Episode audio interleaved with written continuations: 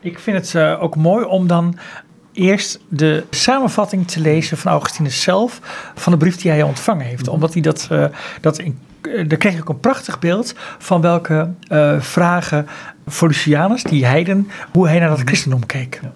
Dus dan begin ik met brief 137 en dan begin ik denk ik met paragraaf 2.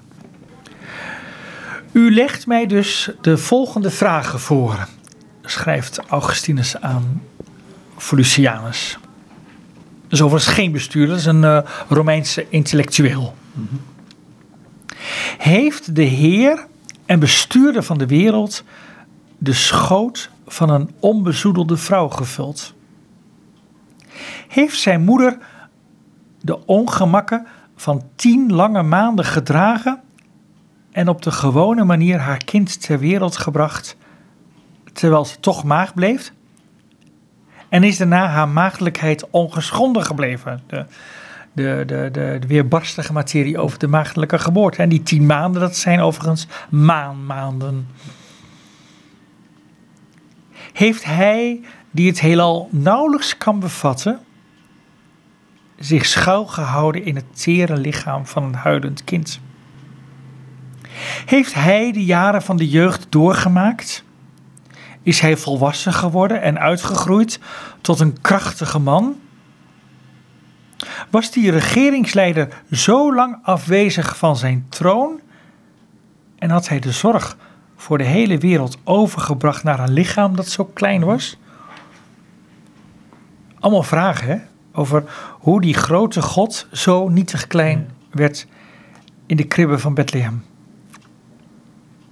Maar dat is nog niet het enige. Vervolgens heeft hij geslapen en gegeten en alles gevoeld wat mensen voelen, zonder dat de tekenen van zo'n verheven macht op een onmiskenbare manier aan het licht kwamen?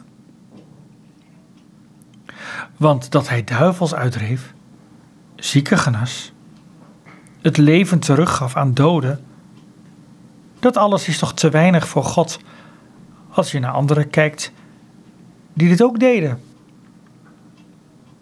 U schrijft dat deze kwesties naar voren werden gebracht tijdens een bijeenkomst van vrienden door een van de vele aanwezigen. Maar u greep in en verhinderde hem nog meer vragen te stellen. De bijeenkomst werd gesloten en de zaak uitgesteld tot er iemand zou zijn met meer kennis. We mogen ons namelijk niet met te weinig respect op die geheimen storten. Anders loopt een onschuldige vergissing nog uit op een serieuze fout. Hij vat hiermee helemaal die brief van Volusianus eh, samen. Volusianus ver, verwoordt dat ook in, eh, in, eh, in de betreffende brief. En dan komt allereerst, want daarmee wordt Augustinus dus aangeschreven. En die wordt blijkbaar als competent en gezaghebbend eh, beschouwd. Dat ze hem te, te hulp inroepen voor dit soort vragen. En dan begint Augustinus eerst om zijn eigen competentie in twijfel te trekken. En zeer bescheiden te maken. Zo hoort het natuurlijk ook, want daarmee tref je goodwill. Dan richt u zich in uw brief verder direct tot mij.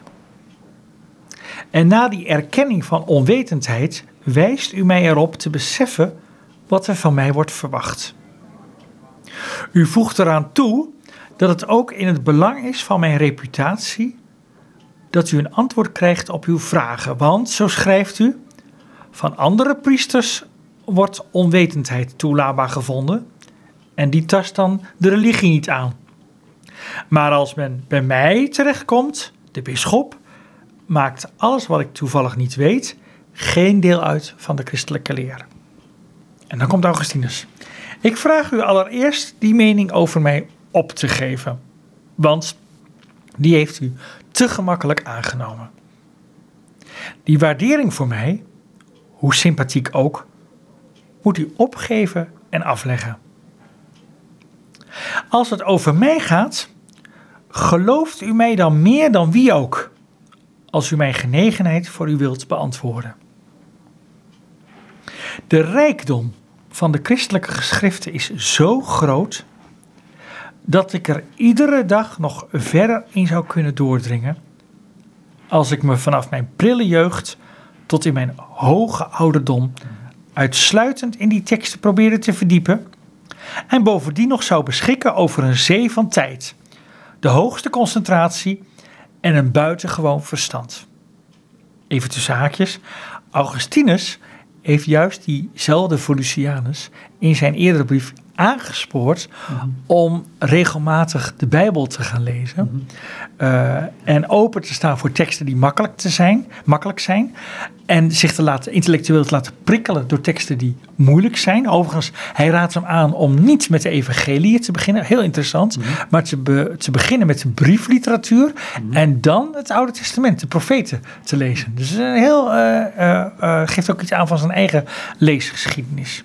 En zegt hij dan, eh, leg me dingen die je niet begrijpt. Leg, eh, schrijf me die rustig, want dan kan ik je terugschrijven. Want eh, de brieven, er is niks mooiers dan brieven schrijven, want die kun, je, die kun je schrijven wanneer je wil en die kun je lezen wanneer je wil. En dan, dan zit je niet op elkaar in te hakken, zal ik maar zeggen. Wat natuurlijk met, met dialogen vaak het geval is. Ik lees door. Daarmee beweer ik niet dat het zoveel moeite kost om het inzicht te bereiken dat nodig is om gered te worden. Want dan zouden natuurlijk eenvoudige mensen nooit gered kunnen worden. Dat kan niet de bedoeling zijn. Maar als men daar het geloof heeft gevonden dat onmisbaar is voor een vroom en deugdzaam leven, blijft er voor mensen die verder zoeken nog meer dan genoeg over om te bestuderen waarheden die schuilgaan onder dichte schaduw van geheimen. Dus met name die, die Bijbel die is voor allerlei mhm. soorten mensen is die, uh, is die aantrekkelijk. Niet alleen in woorden, waarin alles wordt uitgedrukt, maar ook in de te begrijpen geheimen gaat zo'n diepe wijsheid schuil dat voor die zoekers met hun jarenlange ervaring, begaafd met de grootste scherpzinnigheid en brandend van ijver, een woord uit diezelfde schrift van toepassing is. Wanneer een mens de wonderdaden van God denkt te begrijpen, begint hij pas. Een tekst uit Jezus Sirach. Maar genoeg daarover. Hoogste tijd over te gaan naar de kwesties die u mij hebt voortgelegd. Op de eerste plaats wil ik dat u beseft dat het christendom niet leert dat God zo is binnengegaan in de menselijke natuur waarin hij is geboren uit de maagd, dat hij het bestuur over het heelal heeft opgegeven of verloren ofwel heeft overgebracht naar dat kleine lichaam als naar een klein en beperkt centrum. Zo'n oordeel hoort bij mensen die alleen in staat zijn zich de werkelijkheid als iets stoffelijks voor te stellen. En dan kan die stof dichter zijn zoals water en aarde, of lichter zoals lucht en licht. Maar het blijven stoffelijke substanties. En die kunnen geen van alle overal in hun geheel aanwezig zijn. Want ze bestaan uit ontelbare deeltjes en daarom moet zo'n substantie in het ene deel hier en in het andere daar zijn. En daarom, hoe groot of hoe klein een substantie ook is, die moet een bepaalde ruimte innemen en die ruimte zo vullen dat hij op geen enkele plaats daarvan in zijn geheel aanwezig kan zijn. Daarom ook kunnen alleen stoffelijke substanties dichter of lichter van samenstelling worden, samengedrukt of uit elkaar getrokken worden, in kleine gedeelten uiteenvallen of zich uitbreiden tot een grote massa. De ziel is wezenlijk anders dan het lichaam. En dit geldt nog veel meer van God, de schepper van ziel en lichaam. Van God kun je niet zeggen dat hij de wereld vult op dezelfde manier als lucht, water of het licht. Dat hij dus een kleiner deel van de wereld ook vult met een kleiner deel van zichzelf. En een groter deel met een groter deel van zichzelf. Het behoort tot zijn natuur op iedere plaats geheel aanwezig te zijn, zonder door een grens omsloten te worden. Hij komt ergens zonder te verdwijnen waar hij was. Hij gaat ergens weg zonder op te geven waar hij was aangekomen. Dus dat leert ons dat wij Gods aanwezigheid op een heel andere manier moeten proberen voor te stellen dan uh, de, de manier waarop de fysieke dingen om ons heen en in ons aanwezig zijn. In principe is God op een heel andere manier aanwezig dan de schepselen zijn, maar toch kunnen wij Gods aanwezigheid ons alleen maar voorstellen in beelden van de schepping. En dat gaat hij dan in die brief vervolgens proberen door stil te staan bij uh, de verhouding tussen het woord van God en de aanwezigheid van menselijke woorden. Dat uh, en doet hij eigenlijk heel levensnabij. Uit diezelfde brief, paragraaf 7. Als u zich een voorstelling maakt van het woord van God, Jezus Christus, door wie alles is gemaakt, denk dan niet dat iets van dat woord voorbij gaat en vanuit de toekomst overgaat in het verleden. Het blijft zoals het is en overal is het in zijn geheel. Het woord van God komt als het zich bekend maakt en het gaat heen als het zich verborgen houdt. Maar in beide gevallen, bekendgemaakt en verborgen gehouden, is het aanwezig zoals het licht aanwezig is voor de ogen van een ziende en een blinde. Maar wie ziet, ervaart aanwezigheid. Wie blind is, afwezigheid. Ook geluid is aanwezig voor wie hoort en voor wie doof is. Maar voor de een klinkt het en voor de ander blijft het stil. Wat echter is verbazingwekkender dan wat zich afspeelt in onze stem en klinkende woorden? Dat wil zeggen, in wat heel snel voorbij gaat. Als we spreken, kan de tweede lettergreep pas komen als de eerste heeft opgehouden te klinken. Maar als er één toehoorder bij is, hoort hij toch het geheel van wat we zeggen. En als er twee bij zijn, horen zij beiden hetzelfde geheel als ieder afzonderlijk. Ook als er een menigte mensen in stilte luistert, verdelen zij de geluiden niet onder elkaar in stukjes, zoals brood. Nee, alles wat er klinkt, bereikt hen allen in zijn geheel en ook ieder afzonderlijk in zijn geheel. Is het dan niet eerder ongeloofwaardig als het blijvende woord van God zich niet in de wereld zou manifesteren, zoals het voorbijgaande woord van mensen zich manifesteert in de oren van de toehoorders? Het woord van mensen wordt op hetzelfde moment door iedereen afzonderlijk in zijn geheel gehoord. Zo ook is het woord van God op hetzelfde moment overal in zijn geheel aanwezig. Paragraaf 8. Dat kleine kinderlijfje hoeft ons niet te verontrusten. We hoeven niet bang te zijn dat de grote God daarin zogezegd krap komt te zitten. Want niet door zijn omvang, maar door zijn macht is God groot. Hij die in zijn wijsheid aan mieren en bijen scherpere zin in zuigen heeft gegeven dan aan ezels en kamelen. Hij vormt uit het kleinste zaadje een wijd vertakte vijgenboom. Terwijl uit veel grotere zaden tal van planten groeien die heel wat kleiner zijn. Hij heeft de kleine oogpupillen met zo'n scherp zicht toegerust dat de ogen met één blik in een fractie van tijd het halve hemelgewelf doorlopen.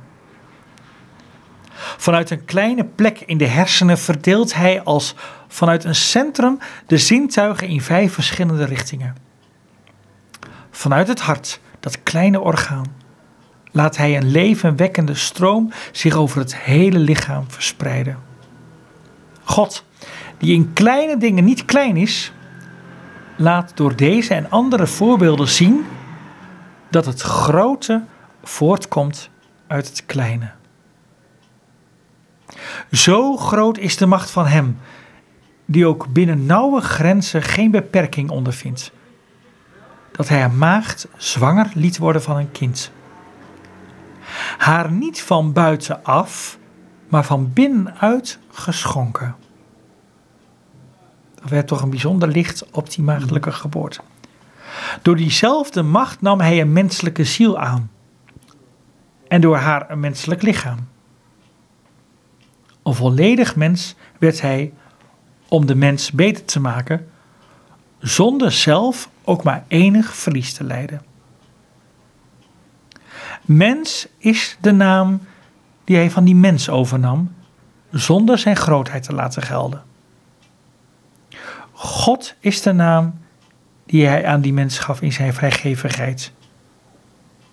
Dezelfde kracht die hem ter wereld liet komen terwijl de schoot van zijn maagdelijke moeder ongeschonden bleef, bracht hem later, een jonge man geworden, door gesloten deuren weer naar binnen.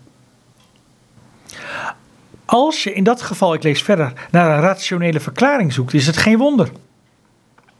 Als je naar een ander voorbeeld vraagt, is het niet uniek. Laten we toegeven dat God iets kan wat wij niet kunnen verklaren. De enige rationele verklaring in zulke gevallen is de macht van Hem die de daad heeft verricht. Paragraaf 9. Hij deelt alle menselijke gevoelens. Zo laat hij aan de mensen overtuigend zien dat hij de menselijke natuur heeft aangenomen en die in geen enkel opzicht heeft vernietigd. Zo is het gegaan, inderdaad. Maar toch zijn er ketters die in een valse verwondering over en bewondering voor zijn macht helemaal niet in hem de menselijke natuur wilden erkennen, die de glorie van zijn genade uitstraalde. Die genade is het waardoor hij heeft gered wie in hem geloofde. Hij die in zich de diepe schatten van wijsheid en kennis bevat, vervult de geesten met geloof om hen zo tot eeuwige beschouwing te brengen van de onveranderlijke waarheid. Wat zou er gebeurd zijn als de Almachtige de mensen zo'n anders had gevormd en hem niet uit de moederschoot het leven had gegeven, maar hem plotseling voor de ogen van de mensen had laten verschijnen? Wat zou er gebeurd zijn als die mens niet jaar na jaar was veranderd van kind naar jonge man? Als hij nooit had gegeten, nooit had geslapen, dan zou hij toch alleen maar die ketterse opvattingen hebben bevestigd en zou maar nooit hebben geloofd dat hij waarachtig mens is geworden. Als al zijn daden wonderen waren geweest, zouden daardoor al zijn daden van barmhartigheid zijn uitgewist. Maar nu is hij als middelaar tussen God en de mensen verschenen en verenigde hij in één persoon beide naturen. Zo heeft hij wat gewoon was in hem verheven door het buitengewone en het buitengewone in hem gematigd door wat gewoon was.